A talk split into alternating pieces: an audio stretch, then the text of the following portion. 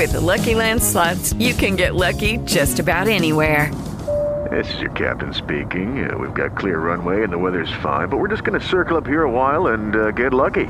No, no, nothing like that. It's just these cash prizes add up quick. So I suggest you sit back, keep your tray table upright, and start getting lucky. Play for free at LuckyLandSlots.com. Are you feeling lucky? No purchase necessary. Void where prohibited by law. 18 plus terms and conditions apply. See website for details.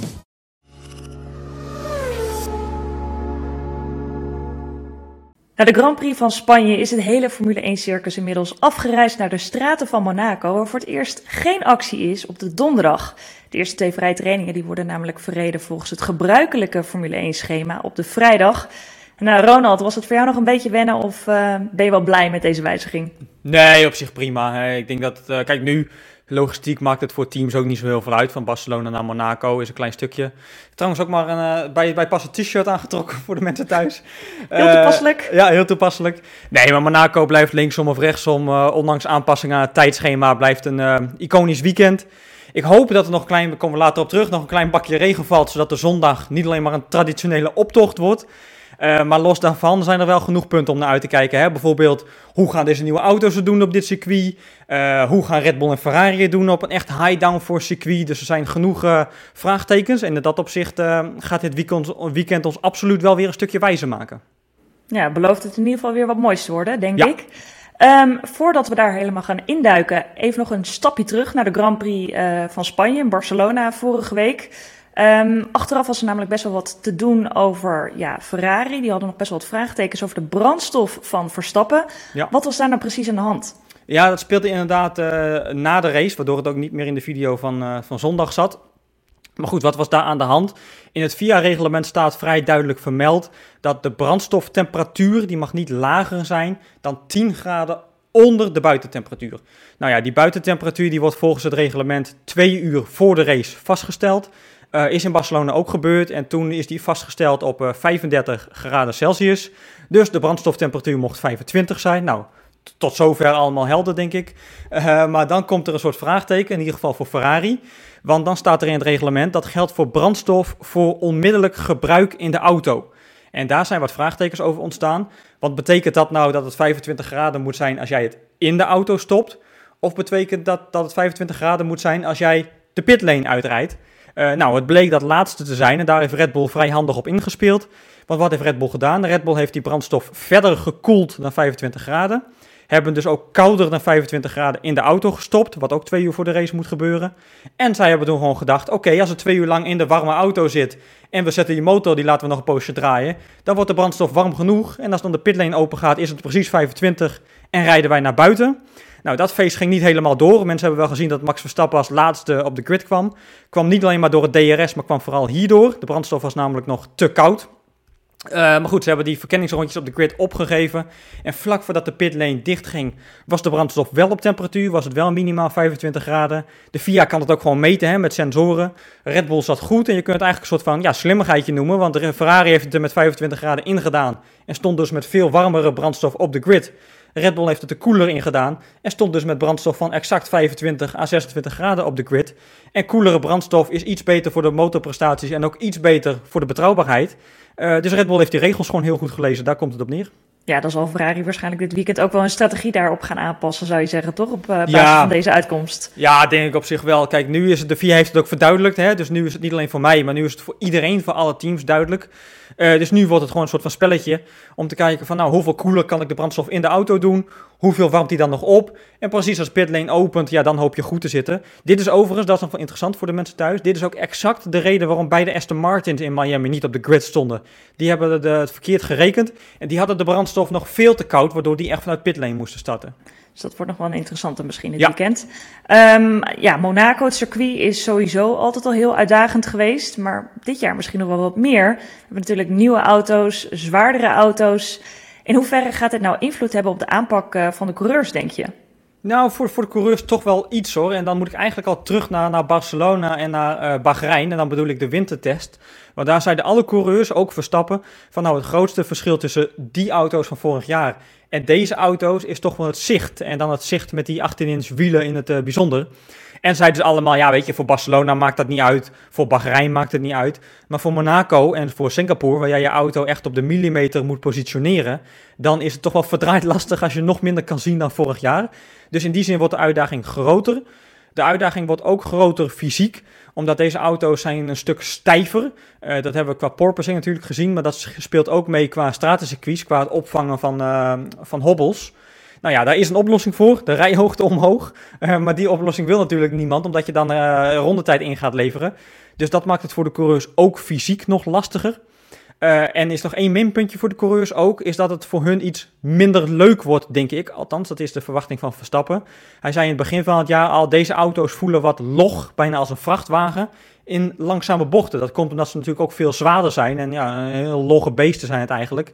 En in Monaco heb je natuurlijk een aaneenschakeling van langzame bochten.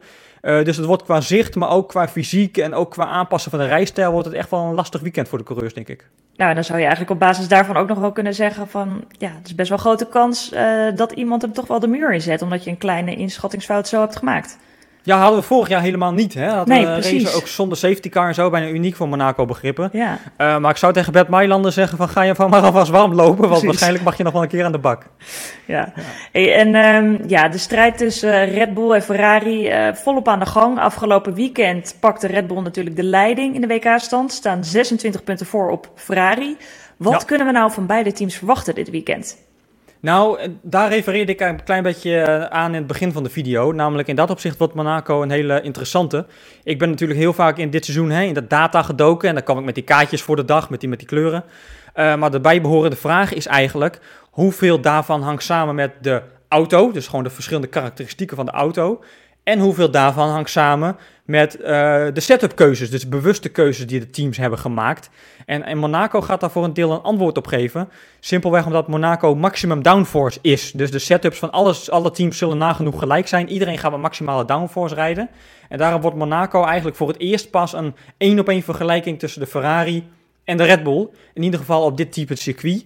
En die kennis daarvan is niet alleen voor Monaco belangrijk, maar ook voor de Hungaroring. Later dit jaar is ook maximum downforce. Uh, dus dat wordt interessant. En het tweede aspect wat in de strijd tussen Red Bull en Ferrari interessant wordt, dat hangt samen met uh, de banden. Red Bull was de voorbije weken, in ieder geval in Miami en in Imola, waren ze beter qua bandenslijtage. Uh, maar daar heb je, het klinkt gek, maar daar heb je Monaco niet zo heel veel aan. Want als je maar iemand track position hebt, dan kun je zelfs met minder goede banden kun je wel stand houden. Dus het draait in Monaco vooral op de kwalificatie. En dus om de banden in het goede window te krijgen voor de kwalificatie. En laat dat nou net een heel sterk punt van Ferrari zijn. Want Ferrari kreeg die banden heel snel op temperatuur. Dus dat bandenfilter dat Red Bull had, kan hier best maar zo eens omdraaien dat het richting Ferrari gaat. Dus dat zijn absoluut uh, twee aspecten om dit weekend scherp in de gaten te houden. Ja, dat gaan we sowieso doen. En ja. over Ferrari gesproken, Charles Leclerc, het is natuurlijk zijn thuisrace, extra speciaal. Maar goed, ja. en, uh, na afgelopen weekend, die DNF in Spanje, zal die ook extra gebrand zijn, denk ik, om een goed resultaat uh, te behalen dit weekend. Alleen, ja, uh, we weten het allemaal. Hij heeft nog nooit de finish gehaald in Monaco. Dus ja, de grootste vraag van dit weekend is misschien wel: kan hij die vloek, de Monaco-vloek, verbreken? de Monaco-vloek. Ja, daar moeten we nog ja. eentje aan toevoegen. Hè? Een paar weken geleden, historic Grand Prix, ook met de auto van uh, Niki Lauda achteruit de muur in. Was trouwens, hè, dat, dat was gewoon een defect aan de remmen, dus kon hij niet zoveel aan doen. Uh, is wel trouwens leuk dat Carlos Sainz exact om die reden heeft, heeft gezegd van ja, daarom rij ik geen historische Ferraris uh, dit jaar. In ieder geval niet in het openbaar.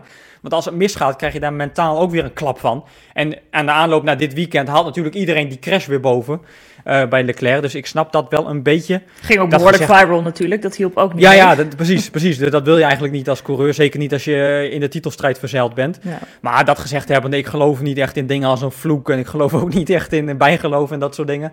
Uh, maar dat is wel een puntje. Het is niet alleen Monaco, het is ook voor Leclerc bijvoorbeeld Baku. Hij is wel een coureur die echt 110% uit die auto haalt. Dat maakt hem ook zo goed. Maar ik zou toch zeggen, misschien voor dit weekend maar eens een keer beperken tot 100 of 99%.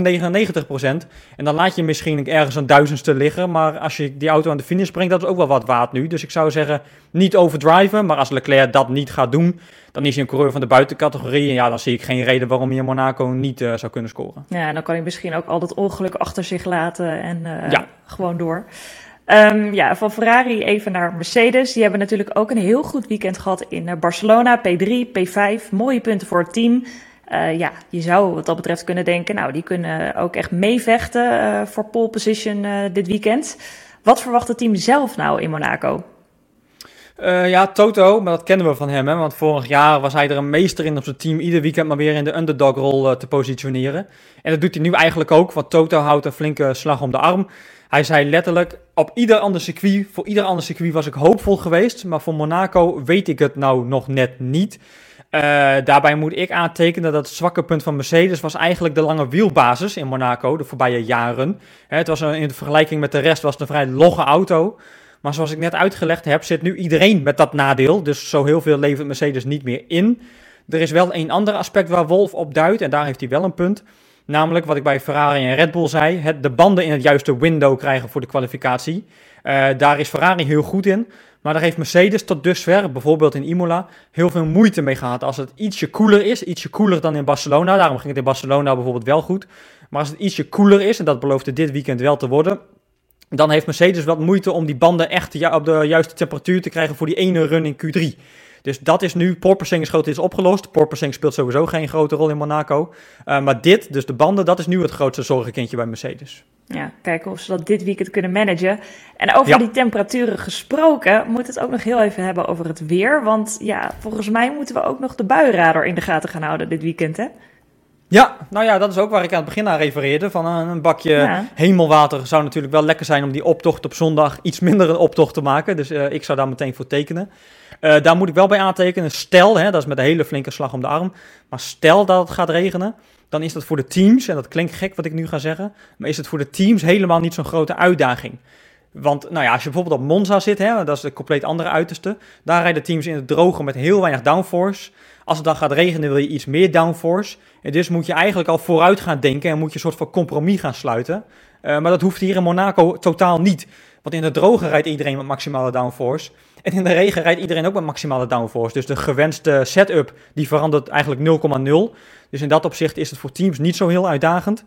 Dat gezegd hebbende wordt het voor coureurs natuurlijk veel uitdagender. Want die moeten in Monaco al mega scherp zijn qua concentratie. En als die regen komt, dan uh, kan je daar nog wel uh, drie tandjes bovenop doen, denk ik. Dus uh, ik zou zeggen voor de mensen thuis, laat maar komen.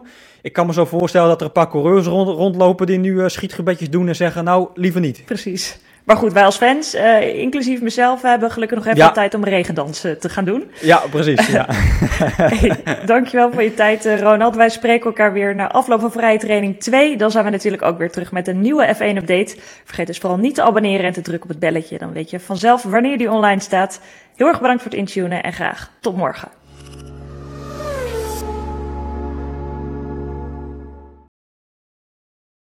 Lucky Land Casino asking people what's the weirdest place you've gotten lucky? Lucky? In line at the deli, I guess? Aha, in my dentist's office. More than once, actually. Do I have to say? Yes, you do. In the car before my kids' PTA meeting. Really? Yes. Excuse me, what's the weirdest place you've gotten lucky? I never win and tell. Well, there you have it. You can get lucky anywhere playing at LuckyLandSlots.com. Play for free right now. Are you feeling lucky? No purchase necessary. Void where prohibited by law. 18 plus. Terms and conditions apply. See website for details.